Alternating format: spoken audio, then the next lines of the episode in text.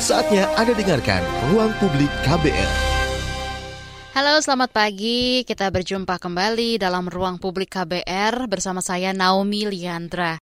Pagi hari ini kita membahas yaitu kapan anak membutuhkan antibiotik. Pahami aturan pemakaiannya. Saudara, di Indonesia pemakaian antibiotik ini masih banyak yang tidak sesuai aturan. Banyak penyakit yang sebenarnya tidak membutuhkan antibiotik, tapi tapi tetap diresepkan oleh dokter. Nah, ada sebuah penelitian yang dilakukan oleh Universitas Sydney pada Oktober 2023 yang menemukan bahwa antibiotik ini punya efektivitas kurang dari 50% dalam mengobati infeksi pada masa kanak-kanak seperti pneumonia, kemudian juga sepsis atau infeksi aliran darah, dan juga meningitis. Temuan ini juga menunjukkan kalau Asia Tenggara dan Pasifik termasuk Indonesia terjadi ribuan kematian anak-anak setiap tahunnya akibat resistensi atau kebal terhadap antibiotik. Lalu bagaimana mencegah resistensi atau kekebalan terhadap antibiotik terhadap anak dan kapan saat yang tepat memberikan anak antibiotik? Kita akan bahas di ruang publik KBR pagi hari ini bersama dengan Dr. Felix, spesialis anak, dokter anak di Yayasan Orang Tua Peduli YOP. Selamat pagi, Dok. Halo, selamat pagi. Selamat pagi. Terima kasih Dr. Felix. pendengar, ya. Yang sudah bersedia hadir di ruang publik ya? KBR ya. pagi hari ini. Ya, jelas dokter. Baik dokter tadi ya. uh, sudah di sounding di awal ya uh, mengenai antibiotik. Ini kan antibiotik bisa dibilang merupakan salah satu jenis obat yang banyak dikonsumsi untuk melawan infeksi ya dok ya akibat bakteri. Tapi uh, konsumsi antibiotik ini juga harus sesuai resep dokter supaya tubuhnya tidak menciptakan kekebalan terhadap antibiotik. Maka dari itu harus habis gitu ya kalau minum antibiotik. Nah, secara simpelnya dok, penyakit akibat bakteri itu penyakit yang seperti apa sih dok? Dan kapan nih antibiotik dibutuhkan untuk bisa melawan penyakit tersebut? Baik, uh, terima kasih atas pertanyaannya. Uh, ya untuk sebagai sebagai pendahuluan mungkin memang tadi sudah dijelaskan oleh uh, Mbak Naomi ya bahwa memang kalau kita berbicara resisten antibiotik ya kuman yang resisten antibiotik itu sudah sudah menjadi hal yang dampak sebenarnya dibahas di dunia medis tapi nggak dipungkiri kalau kita berbicara ke masyarakat itu masih banyak masyarakat yang tidak tahu. Mungkin kalau ditanya, mungkin kalau dijelaskan bahwa infeksinya itu anaknya misalkan sakit dengan infeksi yang kumannya resisten terhadap antibiotik, mungkin banyak orang tua yang akan mengerutkan dahi gitu ya, apa sih maksudnya gitu kan. Nah, nah kembali kepada pertanyaan yang tadi Pak Nomi sampaikan bahwa apa sih itu penyakit um, karena antibiotik? Yeah. Jadi sebenarnya terminologi uh, penyakit akibat bakteri itu mungkin saya bilang kurang tepat ya. Jadi sering kali kalau misalkan kita ketemu dokter dan dokter bilang, oh ya anak ibu sakitnya infeksi bakteri gitu ya atau penyakit penyakit bakteri. Uh, sebenarnya itu itu sebenarnya bukan diagnosa, bukan bukan suatu terminologi penyakit, uh, tapi hanya menjelaskan saja bahwa mungkin ini suatu penyakit yang karena bakteri. Artinya adalah si bakteri ini adalah sebagai penyebab ya dan si penyakit ini adalah akibatnya seperti itu. Hmm. Sebagai contoh mungkin saya bilang ini uh, kalau misalkan lah banyak mungkin orang orang-orang kalau misalkan ketemu saya gitu ya, yeah. dia nggak tahu kalau saya dokter gitu kan, lihat tampang saya wajah Tiongkok begini akan mikir bapak punya toko ya, bapak punya usaha di mana gitu ya, karena uh, orang-orang akan berpikir bahwa kalau orang Tiongkok kayaknya jarang lah ya dokter atau mungkin lebih banyaknya mungkin punya toko, toko bangunan toko di pasar misalnya seperti itu. Nah, jadi kita pun akan bilang bahwa oh penyakit ini, penyakit A, penyakit B, penyakit C, secara data, secara riset, secara epidemiologi, oh penyakit A ini karena bakteri yang lebih banyak. Kalau penyakit B ini lebih banyak karena virus nih. Nah, sebagai contoh misalnya kalau kita contoh dalam dunia medis ya, kita, yeah. bilang campak lah, gitu misalkan campak. Mm -hmm. Ya kita bilang Bu, anak ibu sakit campak. Ya, apa itu? Ya, itu suatu penyakit, ya, setelah kenapa, tapi penyakit ini disebabkan oleh virus, gitu. Hmm.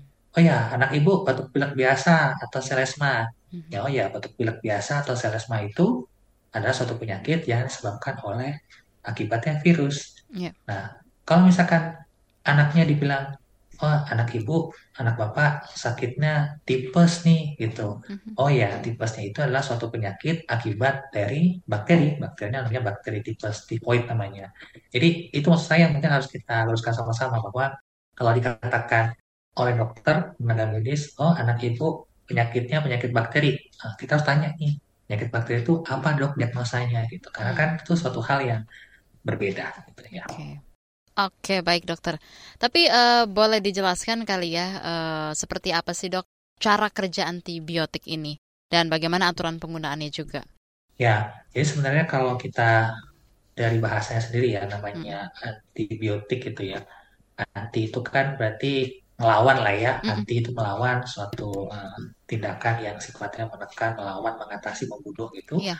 Biotik itu diambil dari kata bios, yang bios itu adalah suatu kehidupan, dalam artian adalah bakteri yang hidup. Maka kalau secara harafiahnya antibiotik berarti uh, cara kerja si obat ini adalah Hmm. melawan atau membunuh si bakteri hidup. Hmm. Nah, Mhm. dia membunuhnya ya dengan berbagai cara. Dalam medis kita tahu, oh ternyata obat ini kerjanya langsung menghancurkan misalkan si bakteri itu, atau Ya. antibiotik ini kerjanya menghambat Mm-mm. ya menghambat supaya bakteri itu tidak bisa berkembang dengan baik berkembang biak dia nggak bisa berproduksi tidak bisa bertumbuh banyak nggak bisa berkembang biak Mm-mm. dihambat dengan harapan nanti kekebalan tubuh akan menghancurkan uh, kuman ataupun bakteri tersebut Hmm. jadi sebenarnya cara kerja antibiotik adalah intinya adalah ingin membunuh menghambat bakteri Hmm. bakteri ini yang kata yang penting jadi antibiotik itu secara harafiahnya sudah dijelaskan bahwa dia anti terhadap sesuatu bakteri yang hidup.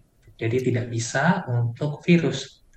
Hmm. Jadi ini yang harus juga di kita persepsikan sama-sama bahwa antibiotik dari kata harafiahnya saja sudah jelas bahwa dia untuk mengatasi atau membunuh bakteri yang hidup. Jadi bukan untuk infeksi virus. Hmm, Jadi maka dari oke. itu kalau misalkan penyakit-penyakit virus akibat virus ya, Iya. ya tentunya memang nggak akan bisa diatasi dengan antibiotik. Oke, baik. Dokter, eh, kalau beda penyakit akibat bakteri dan virus gitu ya dokter ya, mungkin apa aja nih dok, eh, dok eh, contoh-contoh penyakit yang kira-kira banyak menggunakan antibiotik ini dan kira-kira kapan sih eh, digunakannya gitu dok? Baik, jadi mungkin kalau misalkan contoh lah penyakit-penyakit yang memang perlu Ya. antibiotik adalah tadi sudah saya jelaskan contoh di awal, demam tipes misalnya, demam Hmm. tipes, tifoid itu memang data menunjukkan bahwa riset menunjukkan dia disebabkan oleh bakteri. Nama bakterinya adalah Salmonella typhoid ya. Nama bakterinya seperti itu. Jadi memang jelas Mhm. karena bakteri. Jadi kita bunuh dengan antibiotik. Atau infeksi saluran kencing, infeksi saluran kencing pada anak ataupun pada dewasa itu disebabkan oleh bakteri. Jadi makanya dia butuh antibiotik. Hmm. Contoh lain misalkan, misalkan contohnya misalkan infeksi paru lah, pneumonia misalnya. Ya. Pneumonia ada sih memang pneumonia yang karena bakteri, ada juga memang dia pneumonia karena virus. Misalkan kalau kasus COVID yang lalu, Mhm. dia pneumonia karena COVID kan itu karena virus ya, sehingga juga nggak tepat untuk kita berikan uh, berikan antibiotik.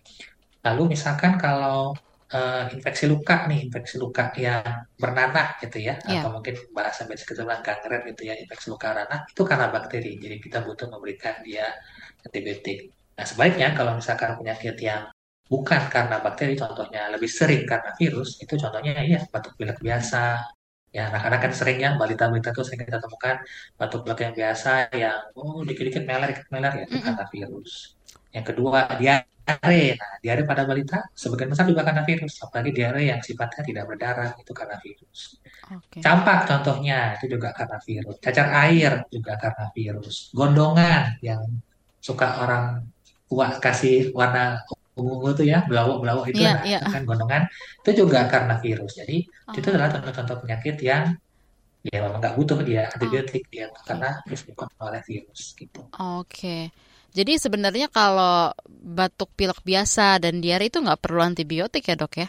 Jadi memang harus benar. penanganannya gimana tuh dok kalau misal terjadi seperti itu pada anak yang harus dilakukan? Baik. Kalau baik. Jadi kalau misalkan dia batuk pilek atau selesma batuk pilek yang biasa, kita harus pastikan kalau batuk pilek yang biasa itu adalah batuk pilek yang tidak ada sesak napas, ya, Hmm. tidak ada anaknya napasnya cepat. Jadi ketika tidak ada kegawatan ya kita akan bilang bahwa anak itu batuk pilek biasa ataupun selesma bahasa medisnya ya atau bahasa Inggrisnya common cold kalau sering dibaca di googling seperti itu.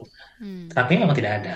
Terapinya hanya sabar, terus kita cukupi cairannya, minum yang cukup, ya, makan semampunya anaknya. Karena pada dasarnya infeksi virus pada kasus batuk pilek ya dia akan sembuh dengan sendirinya. Oke. Tapi bisa nggak lama? Ih, bisa lama. Nah, misalnya Mm-mm. kalau ternyata dia mutar-mutar aja di situ kondisinya, misalkan ibunya, misalkan ibunya lagi batuk pilek, dia tular ke anaknya, Iya. Nanti keluar lagi ke ayahnya. Circle-nya dia itu-itu muter-muter aja ya, Dok, ya? rumah, Circle itu aja lama hilangnya gitu. Nah, Hmm. kalau misalkan diare, diare yang karena diare yang umumnya tidak berdarah, Mm-mm. itu juga sama nunggu waktu karena akan di, di, di apa disembuhkan oleh kekebalan tubuh. Mm-mm. Prinsip pada penanganan diare adalah cairan, jangan sampai anaknya dehidrasi. Gitu. Jadi pemberian oralin itu penting, pemberian ASI itu penting. Hmm, oke, baik. Tapi nih dok, kadang ya eh, masyarakat ini kan tanpa, supaya anak itu cukup cairan, mencegah dehidrasi. Apakah perlu gitu? ya. Tapi kadang nih dok, Ya. masyarakat kan tanpa ke dokter begitu ya suka self eh, diagnose sendiri begitu kan? Medication, ya ya ya. Terus langsung beli obat nih di apotik, terus ngerasa eh, di toko obat dan juga apotik nih bisa apa mengatasi sakit pada anak begitu kan. Nah ini kira-kira kandungan ada kandungan antibiotiknya nggak sih dok di obat yang dibeli langsung di apotik ini, yang disarankan sama apoteker begitu misalnya? Eh, ya saya nggak bisa jawab langsung karena memang tergantung dari apoteknya ya. Oh, Tapi memang kan oke. kalau, tapi kan kita harapkan ya memang regulasinya memang harus diketatkan bahwa antibiotik itu memang harus ada resep dokter. Dokter, iya iya. Eh, saya nggak tahu kondisi sekarang ini, tapi bahkan kalau beberapa waktu lalu kita masih bisa kok membeli antibiotik di e-commerce ya, Hmm, e-commerce yang toko-toko online kita bahkan bisa beli antibiotik dengan mudahnya tanpa resep dokter. mhm. Jadi memang kembali itu pada kepada regulasi dan ketika regulasi itu tidak ketat ya bisa saja apoteker Walaupun bahkan nggak apoteker lah, mungkin dokter tenaga dokter pun bisa saja meresepkan meresepkan antibiotik tanpa indikasi yang jelas. Oke, baik.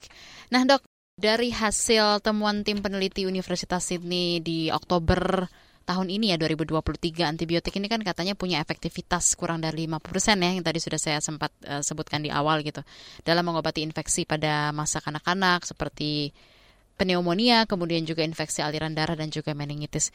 Nah, apa sih dok sebenarnya yang menyebabkan antibiotik ini jadi kurang efektif dalam menyembuhkan infeksi yang terjadi pada anak-anak? Dan ini ada kaitannya juga Nah, nggak sih dok sama Oke. eh, antibiotik yang banyak diuji sama orang dewasa? Tapi sebelum dokter menjawab, eh, saya izin kita angkat dulu penelpon yang sudah bergabung dari Sumatera Barat Pariaman ada Pak Edi dokter. Selamat pagi Pak Edi. Selamat pagi. Silakan Pak Edi dengan pertanyaannya dengan Dokter Felix di ruang publik KBR pagi hari ini. Selamat Silakan. pagi, Dr. Felix. Ya, silakan Ya, Pak Edi. Ah, ini saya mau bertanya ini tentang oh, obat antibiotik, Ibu ya. Ya, betul sekali Pak, antibiotik. Ah, yang dinamakan obat antibiotik itu apa juga jenis obatnya gitu, Bu. Mhm. Ah, dan juga kalau kita mengkonsumsi obat antibiotik, kalau kita apakah itu harus ditentukan gitu obatnya ataukah penyakitnya kan ada juga penyakit itu ada kena virus ada karena oh, bakteri Nah, tentang oh, obat yang kita konsumsi untuk satu penyakit. Apakah, semua obat memakai antibiotik atau oh, obat-obat tertentu gitu Bu? Oh, Pak Dokter. Ah, dan juga uh, tentang kami orang awam ini kan tidak mengerti tentang virus dan tentang uh, bakteri. Uh, bagaimana itu ciri-ciri uh, virus dan ciri-ciri bakteri itu dan apa uh, konsum- cara mengkonsumsi obatnya apakah kita apa namanya tentang uh, obat antibiotik itu harus kan tertentu apakah oh, jenis obat semua obat itu terima itu Oke. dulu pertanyaan dari saya Baik, Pak terima dan kasih Ibu. Pak Edi di kasih Pariaman. Sumatera Barat atas pertanyaannya ya. Kasih, Pak. Sebelum dijawab atau ditanggapi oleh Dr. Felix, eh, kita akan jeda dulu. Ruang Publik KBR akan segera kembali, tetaplah bersama kami. Masih Anda dengarkan Ruang Publik KBR. Terima kasih Anda masih menyimak Ruang Publik KBR bersama saya Naomi Liandra dan juga narasumber kita pagi hari ini ada Dr. Felix, spesialis anak. Kita lagi bahas mengenai kapan anak membutuhkan antibiotik, pahami aturan pemakaiannya. Baik dokter, tadi sebelum menjawab pertanyaan eh, saya, bisa ditanggapi dulu pertanyaan Pak Edi di Pariaman, Sumatera Barat yang menanyakan bahwa eh, yang masuk antibiotik ini apa saja mereknya begitu dan apakah antibiotik ini juga ada di semua obat dan penyakit apa saja yang boleh diobati oleh antibiotik kurang lebih seperti itu ya dok silakan Terima kasih juga pada Pak Edi dari Pariaman ya atas pertanyaannya. Jadi saya catat ada tiga pertanyaan, tapi saya akan coba rangkum dalam satu Silakan, jawaban. Jadi sebenarnya uh, kita bukan mencari tahu atau mungkin membedakan mana sih penyakit yang karena bakteri, mana sih penyakit yang karena virus. Mm-mm. Maka ketika dalam di awal tadi eh, kita sudah bahas sebenarnya ketika kita bertemu dengan dokter, Mhm. kita harus bertanya dulu. Kita, kita kan kalau ketemu dokter pasti kita menceritakan ya, apa Iya. sih keluhan anak kita, apa sih yang dialami sama anak kita gitu kan. Mm-mm. Setelah, di, setelah diterangkan kepada dokter dan dokter akan melakukan pemeriksaan, ditempel-tempel dengan stetoskop misalnya, Mhm. lalu akan muncul sebuah diagnosa. Diagnosa itu adalah nama penyakitnya. Nah, dari diagnosa itulah baru nanti kita jelaskan dari penyakit itu ini karena infeksi bakteri kah atau ini karena infeksi virus kah, misalkan seperti itu. Bagaimana tadi, ketika misalkan saya ketemu seorang anak misalnya, Mm. ibunya mengeluh, oh pipinya, pipinya bengkak dok gitu ya. Iya. Terus saya tanya-tanya, saya bisa-bisa, oh bu, ini anak ibu kena gondongan nih. Nah, jadi kita bilang, bu, gondongan ini adalah suatu penyakit yang karena virus. Jadi kita bilang bahwa ini tidak perlu obat antibiotik. Jadi kembali sebenarnya kita tidak perlu pusing-pusing gimana cara bedanya sih dok penyakit virus atau bakteri bukan itu. Tapi tanyakan kepada dokter apa diagnosa. Nanti dari situ baru kita tahu ini penyakit ini karena virus atau karena bakteri. Oke. Eh, baik, Eh, Dokter Felix, halo. Ya, Nah, suaranya mulai putus-putus ya dok. Mohon maaf sebelumnya. awal, ya. Dan penicillin itu adalah Oke. eh, halo sudah jelas sudah sekarang? Ya, sekarang sudah jauh lebih jelas. Semoga berjalan Baik. jelas terus ya. Oke, boleh diulang Ya. sedikit dokter tadi poin yang sempat terputus karena jaringannya eh, kurang baik. Baik. Ya, silakan Baik. dokter. Ya, jadi tadi yang sempat saya eh, tekankan bahwa ketika kita kita nggak perlu pusing-pusing membedakan mana mana penyakit virus atau mana penyakit karena bakteri, tetapi kita harus tanyakan kepada dokter apa diagnosa, apa nama penyakit yang dialami oleh anak kita. Dari situ baru kita bilang ini diagnosa ini penyakit ini itu karena bakteri atau karena virus, sehingga nanti akan ditentukan apa obatnya, apakah dia memang perlu antibiotik atau tidak perlu antibiotik. Hmm. Nah, tadi tadi Pak Edi menanyakan apa sih contoh merek antibiotik Iya. yang paling awal, paling paling sederhana amoxicillin lah kita bilang. Amoxicillin itu contoh antibiotik, kita bilang contoh antibiotik.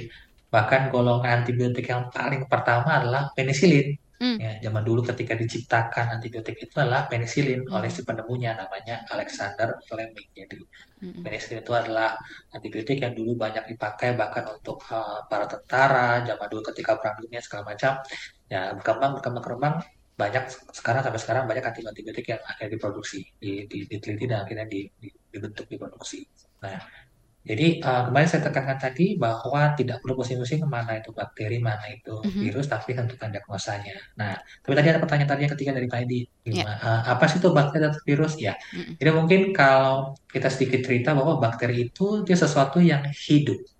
Oke. Kalau virus itu dia sebenarnya dia tidak hidup. Dia Tidak aktif harus ya? Hmm. mendompleng, dia Hmm. harus sifatnya parasit kepada sesuatu yang hidup. Ibaratnya kayak virus seperti virus itu seperti benalu lah ya. Benalu itu dia akan hidup kalau dia ada inangnya, dia menempel kepada pohon tertentu untuk bisa Hmm. uh, menghidupi dirinya.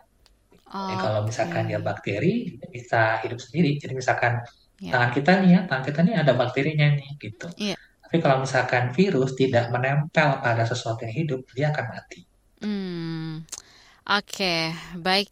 Eh, semoga menjawab pertanyaan dari Pak Edi di Pariaman, Padang ya, Sumatera Barat ya.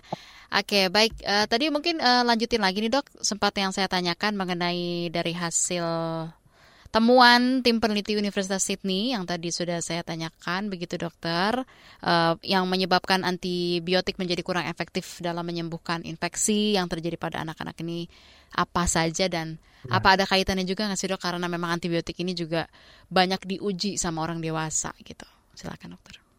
Baik, baik, terima kasih. Jadi memang kalau kita bicara kenapa sih antibiotik itu eh, sekarang sudah banyak tidak efektif, kita bisa memilah-milah. Jadi yang Mhm. pertama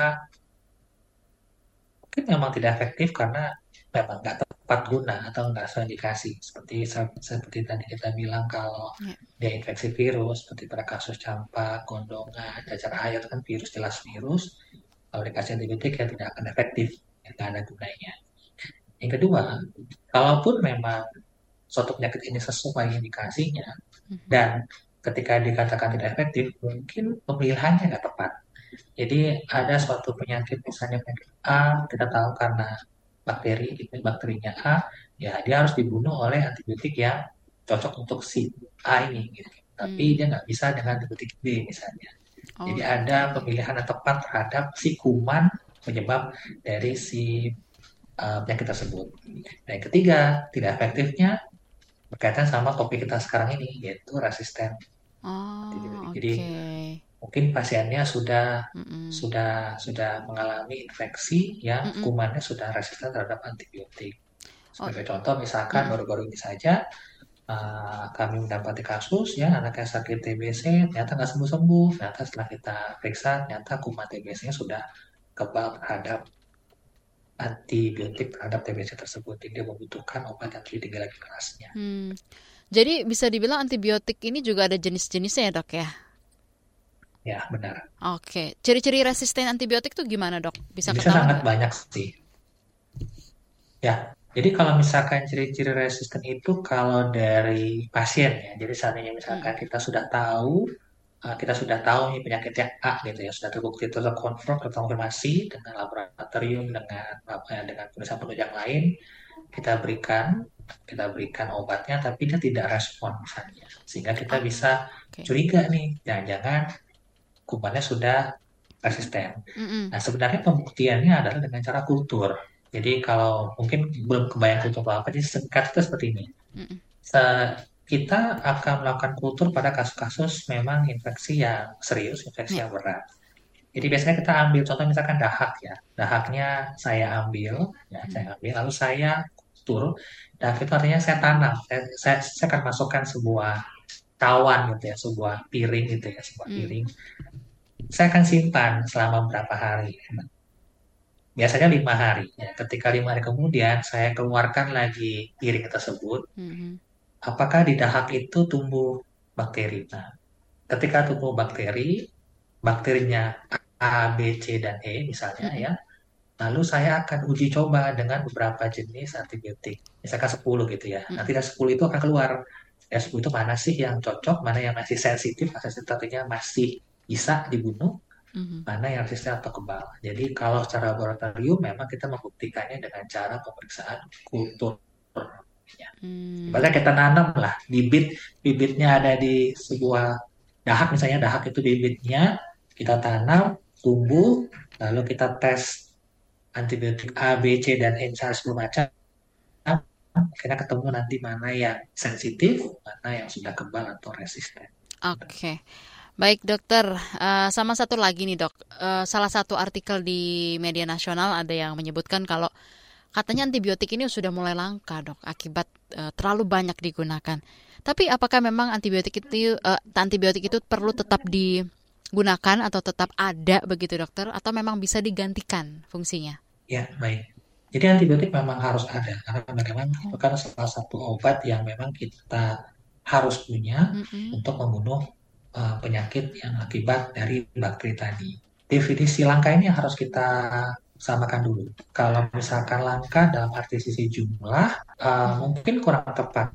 Jadi arti gini, contohnya misalkan kita bilang bahwa gajah, populasi gajah di Sumatera misalnya Iya. sudah langka nih gitu ya. Jadi kita akan persepsi kita bahwa oh ya memang benar bahwa populasi populasi dari segi jumlah gajah di Sumatera sudah banyak yang terbunuh sama dibunuh sehingga populasi jumlahnya sudah sangat sedikit. Kita Hmm. akan bilang langka. Nah, tapi langkanya di sini mungkin bukan dari sisi jumlahnya, tapi Oke. dari sisi eh, ketersediaannya. Mhm. Tapi gini, eh, antibiotik itu kan sebenarnya ada golongan tadi ya, ada, ada Iya. banyak sekali golongan. Nah, dari WHO, dari Badan Kesehatan Dunia, dibagi tiga gitu. Mana antibiotik yang sangat mudah terakses ya, sangat mudah tersedia. Mana antibiotik yang harus di penggunanya harus hati-hati. Mana yang ketiga dan terakhir antibiotik yang harus disimpan hanya pada kasus tertentu. Hmm. Bisa saja langka ini maksudnya adalah dia anak ini misalkan membutuhkan antibiotik yang golongan ketiga ini, golongan yang memang Iya. kasusnya memang spesifik hanya kasus tertentu. Langka memang karena mungkin hanya didapatkan di center-center rumah sakit yang besar, rumah sakit rumah sakit pendidikan yang Mm-mm. memang supaya nggak terlalu berlebihan pengeluarannya. Jangan sampai nanti sudah antibiotik yang golongan ketiga ini yang di, disimpan pada kasus tertentu kalau dilempar ke publik secara masyarakat takutnya malah jadi salah gunakan. Baik. Gitu. Baik dokter, terima kasih penjelasannya. Nanti uh, kita akan lanjutkan kembali dan sudah banyak sekali beberapa WhatsApp dan juga komentar di YouTube yang sudah masuk nih dok, sudah ngantri untuk konsul atau tanya dengan dokter Felix ya di pagi hari ini. Kita lagi bahas soal pemberian antibiotik pada anak kapan uh, dibutuhkannya. Nanti akan saya bacakan setelah pesan-pesan berikut ini. Masih Anda dengarkan Ruang Publik KBR.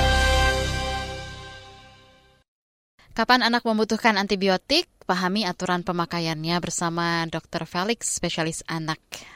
Dokter, eh, kita lanjut akan bacakan beberapa komentar dan juga WhatsApp yang sudah bergabung di ruang publik pagi ini. Dari komentar YouTube ada Pak Wahyu Setiawan. Apakah setiap demam disertai batuk pilek pada anak harus selalu pakai antibiotik? Waktu itu anak saya demam, Periksa pertama dikasih obat batuk tanpa antibiotik. Periksa kedua diresepin antibiotik. Ini yang hampir sama juga pertanyaannya, yaitu dari Ibu Rani di Jogja. Dok, saya mau tanya, keponakan saya yang masih SD terkena eksim yang setelah hilang beberapa bulan bisa muncul lagi. Jadi dia merasa gatal dan luka-luka. Tapi tiap ke dokter dan dokternya berbeda, ada suatu waktu dokter memberikan antibiotik. Dan dokter yang lain tidak. Kenapa pemberian antibiotik ini berbeda ya dok? Mohon ditanggapi dokter Felix atas kedua pertanyaan ini, silakan. Baik, terima kasih. Tadi pertanyaan dari Pak Wahyu ya, iya. bahwa yeah. apakah semua anak dengan demam batuk pilek itu butuh antibiotik? Mm-hmm. Uh, jadi kembali bahwa kita harus bertanya lagi apa sih diagnosanya. Jadi dia memang nanti ke depannya kita perlu encourage ya, kita perlu minta mm. dari orang tua dalam hal ini untuk uh, tanya gitu punya keberanian untuk tanya mm-hmm. dok anak saya sebenarnya sakit apa sih apa nama apa namanya mm-hmm.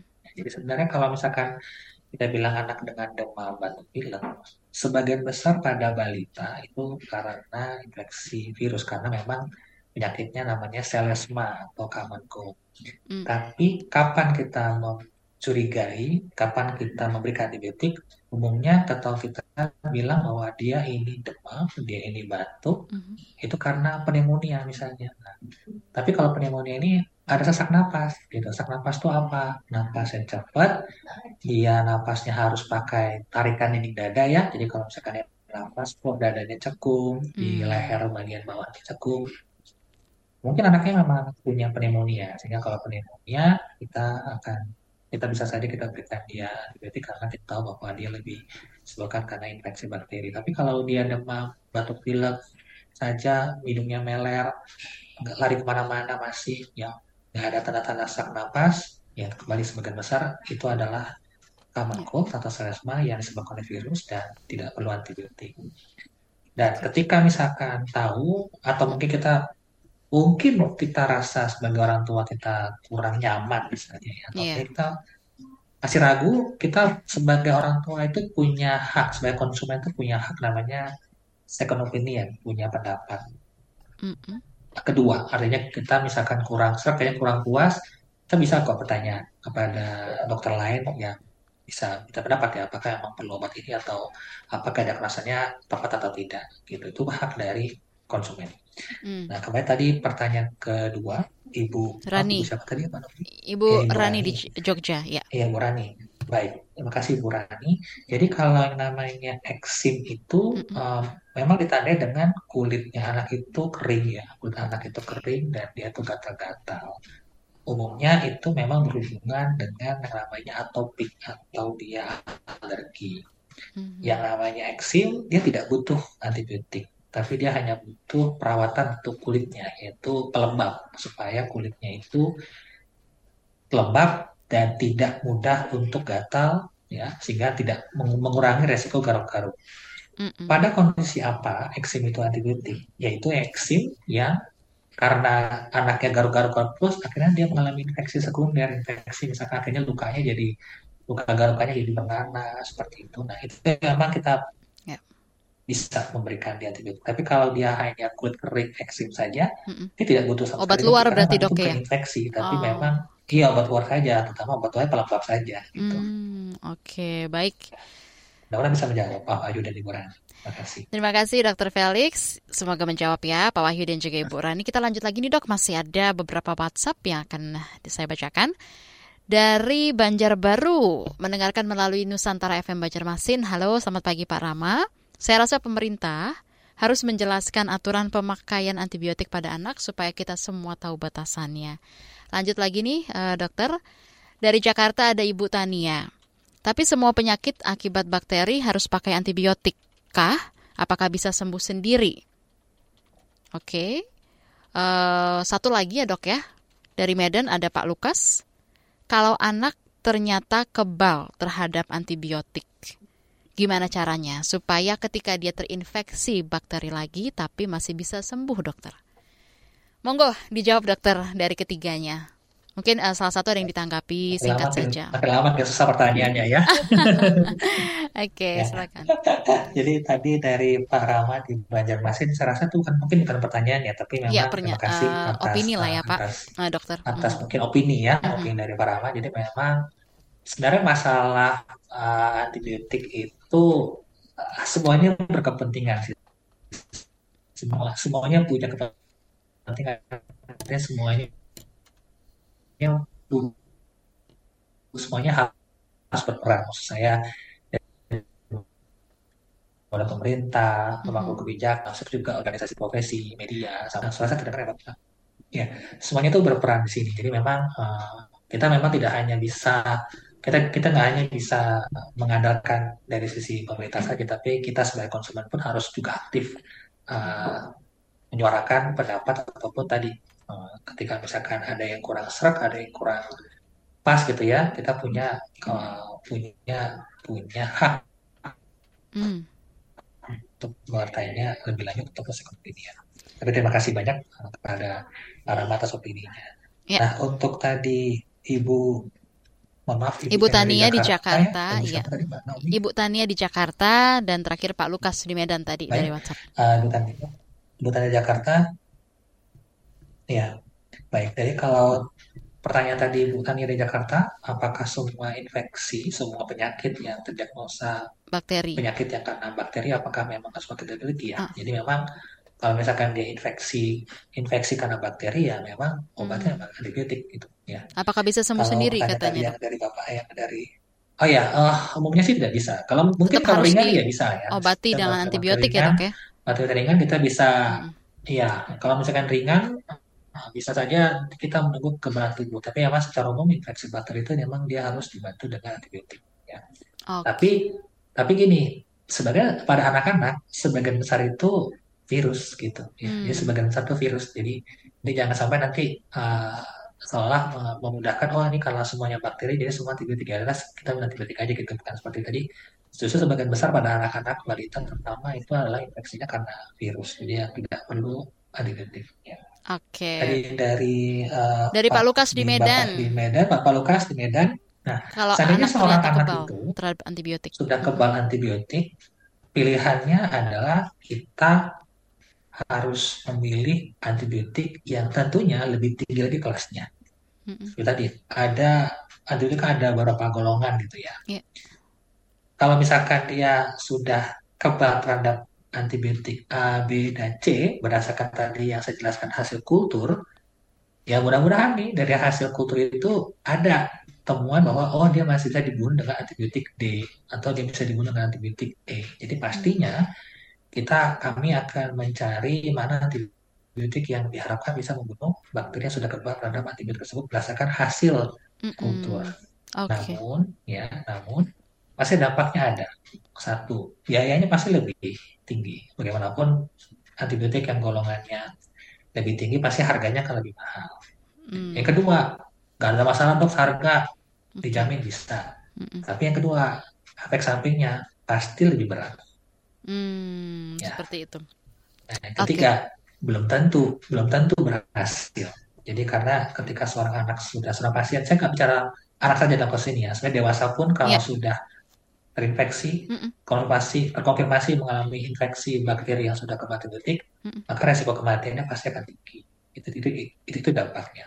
Oh, Oke. Jadi bukan masalah uang, soalnya saya punya Mm-mm, uang, saya bisa beli antibiotik yang paling mahal pun saya bisa beli, tapi bukan masalah itu. Tapi bagaimana efek sampingnya pasti lebih berat dan juga resiko That's why antibiotik juga memang harus diturutin ya dok ya, harus dihabiskan begitu ya dok ya.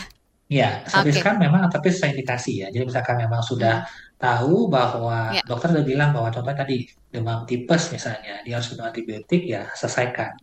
baik Tapi kalau dokter. misalkan ternyata Mm-mm. Dia selesma gitu, tapi dia kalau nggak perlu antibiotik ya stop aja gitu. Oke, baik. Dokter, eh, sebelum jeda satu eh, dari channel YouTube ya, ada Pak Agus memberikan komentarnya. Sebenarnya risikonya apa ya dok kalau antibiotik tidak dihabiskan? Anak saya pernah sakit gusi bengkak. Baru dua kali minum antibiotik, gejala sakitnya sudah berkurang. Saya stop minum antibiotiknya. Bisa diperjelas lagi nih dok, tadi seperti yang sudah dokter sempat sampaikan barusan banget. Silakan dokter, supaya menjadi Hmm. reminder untuk orang tua dan juga kita sebagai eh, orang yang juga suka pakai antibiotik atau minum antibiotik. Silakan dokter. Baik, terima kasih. Jadi eh, Pak Agus, eh, tadi kalau misalkan Mm-mm. sudah jelas misalkan penyakitnya itu dia memang karena bakteri, kita perlu habiskan supaya memang tuntas tuh bakterinya itu mati semua. Mm-mm. Ketika kita, kita tidak selesaikan, nanti takutnya bakteri yang bakteri yang masih sisa itu dia bisa membentuk kan bakteri itu pintar ya kan bakteri itu kan sesuatu yang hidup. Mereka sudah mereka juga pintar gitu. Mereka juga bisa berevolusi, mereka juga bisa Hmm. belajar untuk bisa bagaimana nanti kali-kali ketika dikasih antibiotik A ini saya bisa kebal. Dia bisa mereka bisa belajar atau bisa berevolusi. Mm-mm. Maka ketika nggak selesaikan nanti takutnya si bakteri yang eh, mempunyai kemampuan untuk bisa menjadi kebal ya dia akan kebal gitu. Tapi Oh. kembali kembali pada pada dasarnya adalah kembali bahwa apakah memang anak ini menderita suatu diagnosa penyakit yang karena infeksi bakteri gitu. Mm-mm. Sebaliknya tadi kalau misalkan anak saya ini batuk pilek, kita tahu selesma yang sebenarnya karena virus. Campak lah, contohnya campak lah misalnya. Campak kan karena virus, atau cecer air itu karena virus. Mm-mm. Tapi sudah telanjur nih minum antibiotik. Tapi tapi ternyata tahu nih bahwa ini cecer air nggak pernah antibiotik. Stop saja. Gitu. Jadi kalau Mm. misalkan sudah telanjur tapi diagnosanya penyakitnya suatu yang kena virus, stop saja. Justru kalau misalkan kita melanjutkan antibiotik pada kasus yang tidak sesuai indikasi, itu juga harmful, itu juga malah memicu kekebalan antibiotik. Gitu. Oke, baik eh, Dr. Felix, nanti kita akan kembali lanjutkan di segmen terakhir Ruang Publik KBR pagi hari ini. Tentunya untuk Anda pendengar, kita sedang membahas mengenai kapan anak membutuhkan antibiotik, pahami aturan pemakaiannya. Tetaplah dalam Ruang Publik KBR. Masih Anda dengarkan Ruang Publik KBR. Baik, eh, Dr. Felix, tadi kan kita sudah menjawab beberapa pertanyaan-pertanyaan dan juga komentar yang sudah masuk di ruang publik pagi hari ini. Terima kasih dokter sudah ditanggapi dan semoga menjawab semua pertanyaan dari pendengar. Tapi dokter, eh, pemerintah ini kan eh, sedang ya, telah telah mengupayakan langkah-langkah mengatasi resistensi antibiotik. Dan tentunya seperti mengatur juga penggunaan antibiotik dengan eh, rasional di rumah sakit dan juga menyusun rencana aksi nasional atau RAN 2020-2024 dengan pendekatan One Health begitu ya. Nah, dalam pandangan Anda dokter, apakah upaya ini bisa dibilang sudah cukup begitu untuk mencegah dan juga mengurangi dampak resistensi antibiotik pada anak? Mohon dijelaskan, Dok, silakan. Terima kasih. Uh, memang pendekatan yang tadi dijelaskan oleh Numis uh, One Health itu kan impian ya, cita-cita. Tapi memang kita bilang mungkin realisasinya itu masih jauh lah kita bilang. Dan apalagi kita melihat bahwa kalau kalau kita berkaca dari One Health itu kan sebenarnya bukan hanya dari sisi antibiotik pada manusia ya, tapi juga bagaimana penggunaan antibiotik pada he- hewan itu kan juga masuk dalam sistem One Health itu sendiri. Nah, Oke. Uh, tapi memang upayanya kan terus terus terus diupayakan digenjot supaya bisa bisa lah semua uh, mengendalikan pemakaian antibiotik penggunaan antibiotik secara Mm-mm. rasional secara bijak. Tapi ya memang sampai saat ini saya rasa masih belum belum uh, belum belum kelihatan dan belum kelihatan hasilnya gitu. Ya Hmm. masih masih kurang lah. Maka dari itu um, kita kan sebagai sebagai konsumen sebaiknya pun nggak sampai menunggu pemerintah sekali lagi. Kita nggak bisa menunggu semuanya kita bantu pemerintah. Tapi bagaimana caranya kita memulai dari diri kita sendiri? Untuk mencegah kita mulai dari scope keluarga kita sendiri aja dulu. Dari keluarga sendiri lama-lama keluarga besar, lama-lama tetangga, dan seterusnya bisa berdampak lebih besar lagi. Oh gitu, oke baik. Tapi dok uh, dari Yayasan Orang Tua Peduli sendiri seperti apa nih dok bentuk edukasi dan juga sosialisasi yang dilakukan kepada masyarakat gitu ya, terutama orang tua terkait dengan pemberian antibiotik pada anaknya?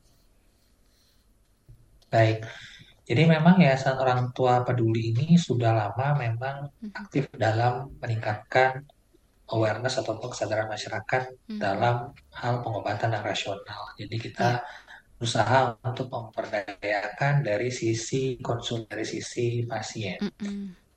Dalam hal ini um, kita mulai dari hal yang sederhana, yaitu contoh konkretnya yang kita selalu gaungkan adalah, yuk kita salam dua jari. Salam dua jari itu adalah memberikan antibiotik, jangan mengkonsumsi antibiotik pada kasus batuk pilek biasa atau selesma, mm -hmm. dan salam jari yang kedua itu adalah jangan konsumsi antibiotik pada kasus diare yang tidak berdarah. Itu contoh hmm. konkret yang sedang kita lakukan. Uh, kami pun uh, selalu mengencourage, selalu merangsang uh, orang tua ataupun para konsultan kesehatan, tidak hanya orang tua dan anak ya, tapi yeah. seluruh dewasa juga kesehatan punya keberanian bertanya dan punya keberanian untuk berdiskusi dengan tenaga medis. Ya. Mm -hmm. Ingat bahwa kita itu ke dokter butuh diagnosa, bukan minta obat. Tapi kita butuh diagnosa, dari situ hmm. baru kita akan bisa tahu apa obat yang diperlukan, apakah memang obat A, B, dan apakah memang dia perlu antibiotik atau tidak dalam hal ini. Yang ketiga, kita juga merangsang konsumen kesehatan untuk berani yeah. atau ragu untuk meminta second opinion. Misalkan ada hal yang rasanya ragu, kita bisa kok diskusi gitu kan ya dengan hmm. mungkin cari pendapat yang lain. Hmm. Yang keempat, bagaimanapun yang namanya konsumen itu harus senantiasa belajar ya saya bilang. Artinya kita aja kalau mau beli handphone aja kan suka tahu ya mau merek A, B, C gitu kan mau milih kamera yang Supaya bagus nyaman kah, juga mau ya. pilih mm -mm. prosesor yang bagus kah, yang yeah. yang catchy yang bagus semuanya. Kita kita aja googling gitu kan, tapi mm -mm. kalau hal ini misalkan dengan anak kita ya tentu kita juga harus ah baca-baca lah gitu kan apa apalagi sekarang sumber informasi sudah sangat banyak. Oke. Okay. Gitu, ya. Baik dokter, uh, boleh jelaskan nih dok soal mitos dan juga fakta mengenai antibiotik yang dipercayai masyarakat. Mungkin dari dokter punya beberapa yang bisa disampaikan oleh uh, kepada pendengar. Mitos dan fakta yang soal antibiotik ya. apa aja nih dok? Ya, bisa di spill. Saya rasa, mitos yang paling yang paling sering itu kan bahwa apakah semua demam harus pakai antibiotik gitu kan? Yeah. Jelas itu kurang tepat. Ya demam itu kan salah satu gejala saja ya. Gejala dia bukan penyakit dia hanya satu gejala. Jadi misalkan seperti kalau uh, ada ada asap ada kebakaran lah kita bilang. Ada kebakaran pasti ada asapnya. Nah asapnya itu adalah demamnya. Nah kita ya, yang kita matikan kan adalah apinya kan sumber apinya. Jadi yang kita nanti harus uh, bunuh adalah yang kita basmi dalam artinya adalah si penyakitnya bukan si uh, demamnya. Jadi kalau misalkan demamnya karena tadi cacat air misalnya ujung-ujungnya ya nggak perlu ya nggak perlu antibiotik itu katanya kalau misalkan ada demamnya karena demam tipes ya dia harus pakai antibiotik. Jadi mitos yang pertama itu yang paling sering. Yang kedua adalah mitos mhm. bahwa antibiotik itu bisa untuk semua hal, semua penyakit. Ya nggak juga gitu. Hmm. Masa cacingan pakai antibiotik kan nggak juga ya. Masa panu pakai antibiotik kan nggak juga. Hmm. Jadi antibiotik sekali lagi dia hanya khusus untuk menjaga penyakit diagnosa yang disebabkan oleh bakteri. Jadi saya rasa itu dua mitos itu yang paling sering kita oh. dengar di masyarakat. Ya. Oke, baik. Terakhir nih dokter, pesan dan juga harapan dari dokter Felix pada pemerintah dan juga masyarakat supaya lebih sadar dan juga peduli akan dampak pemberian antibiotik ini pada anak. Jadi memang kalau dari sisi pemerintah mau kebijakan memang kita memang butuh si regulasi yang ketat, regulasi yang konkret yang ketat eh, Selama sederhana, bagaimana caranya kita bisa mengendalikan supaya penjualan antibiotik itu tidak mudah, tidak tidak tidak, tidak, tidak, tidak bisa dapatkan dengan bebasnya. Nah, kita dari sisi masyarakat, dari sisi orang tua dalam hal ini, karena saya kebetulan sebagai seorang dokter anak, hmm. ini sebenarnya anak itu kan investasi, ya. anak itu iya. sebenarnya investasi. Kita menabung, eh, dalam hal ini kita menabung pada anak kita, Ya sebenarnya dokter yang paling baik itu bukan kami, bukan nakes, bukan tenaga medis, tapi sebenarnya dokter yang paling baik itu adalah orang tua. Hmm. Saya selalu jelaskan, kami kami ya, apa ya selalu selalu mengingatkan bahwa apa yang kita tanam hari ini akan kita tuai di hari dan artinya apa yang kita tanam pada anak kita nanti ini dampaknya akan kita rasakan di kemudian hari. Kalau anak-anak anak kita sendiri kita sedikit-sedikit bawa ke rumah sakit, bawa ke dokter atau bahkan mungkin udah langsung aja kalau demam langsung aja pakai antibiotik nanti dampaknya pun akan kita terima di hari. Mungkin nanti ke depannya anak kita akan lebih mudah sakit malah hmm, dibandingkan sehatnya. Seperti itu. Ya sekali lagi anak itu investasi. Dokter yang paling baik adalah orang tua. Oke, baik. Yang penting juga tadi dokter sempat sampaikan bahwa ke dokter itu bukan untuk minta obat, tapi untuk tahu diagnosanya seperti apa, nah, begitu ya? Apa. Oke, terima kasih banyak ya Dokter Felix, spesialis anak, dokter anak di Yayasan Orang Tua Peduli YOP untuk waktu Anda di ruang publik KBR pagi hari ini. Akhirnya saya, Naomi Liandra bersama tim yang bertugas, undur diri. Selamat pagi, selamat berakhir pekan, dan sampai jumpa. Baru saja Anda dengarkan Ruang Publik KBR.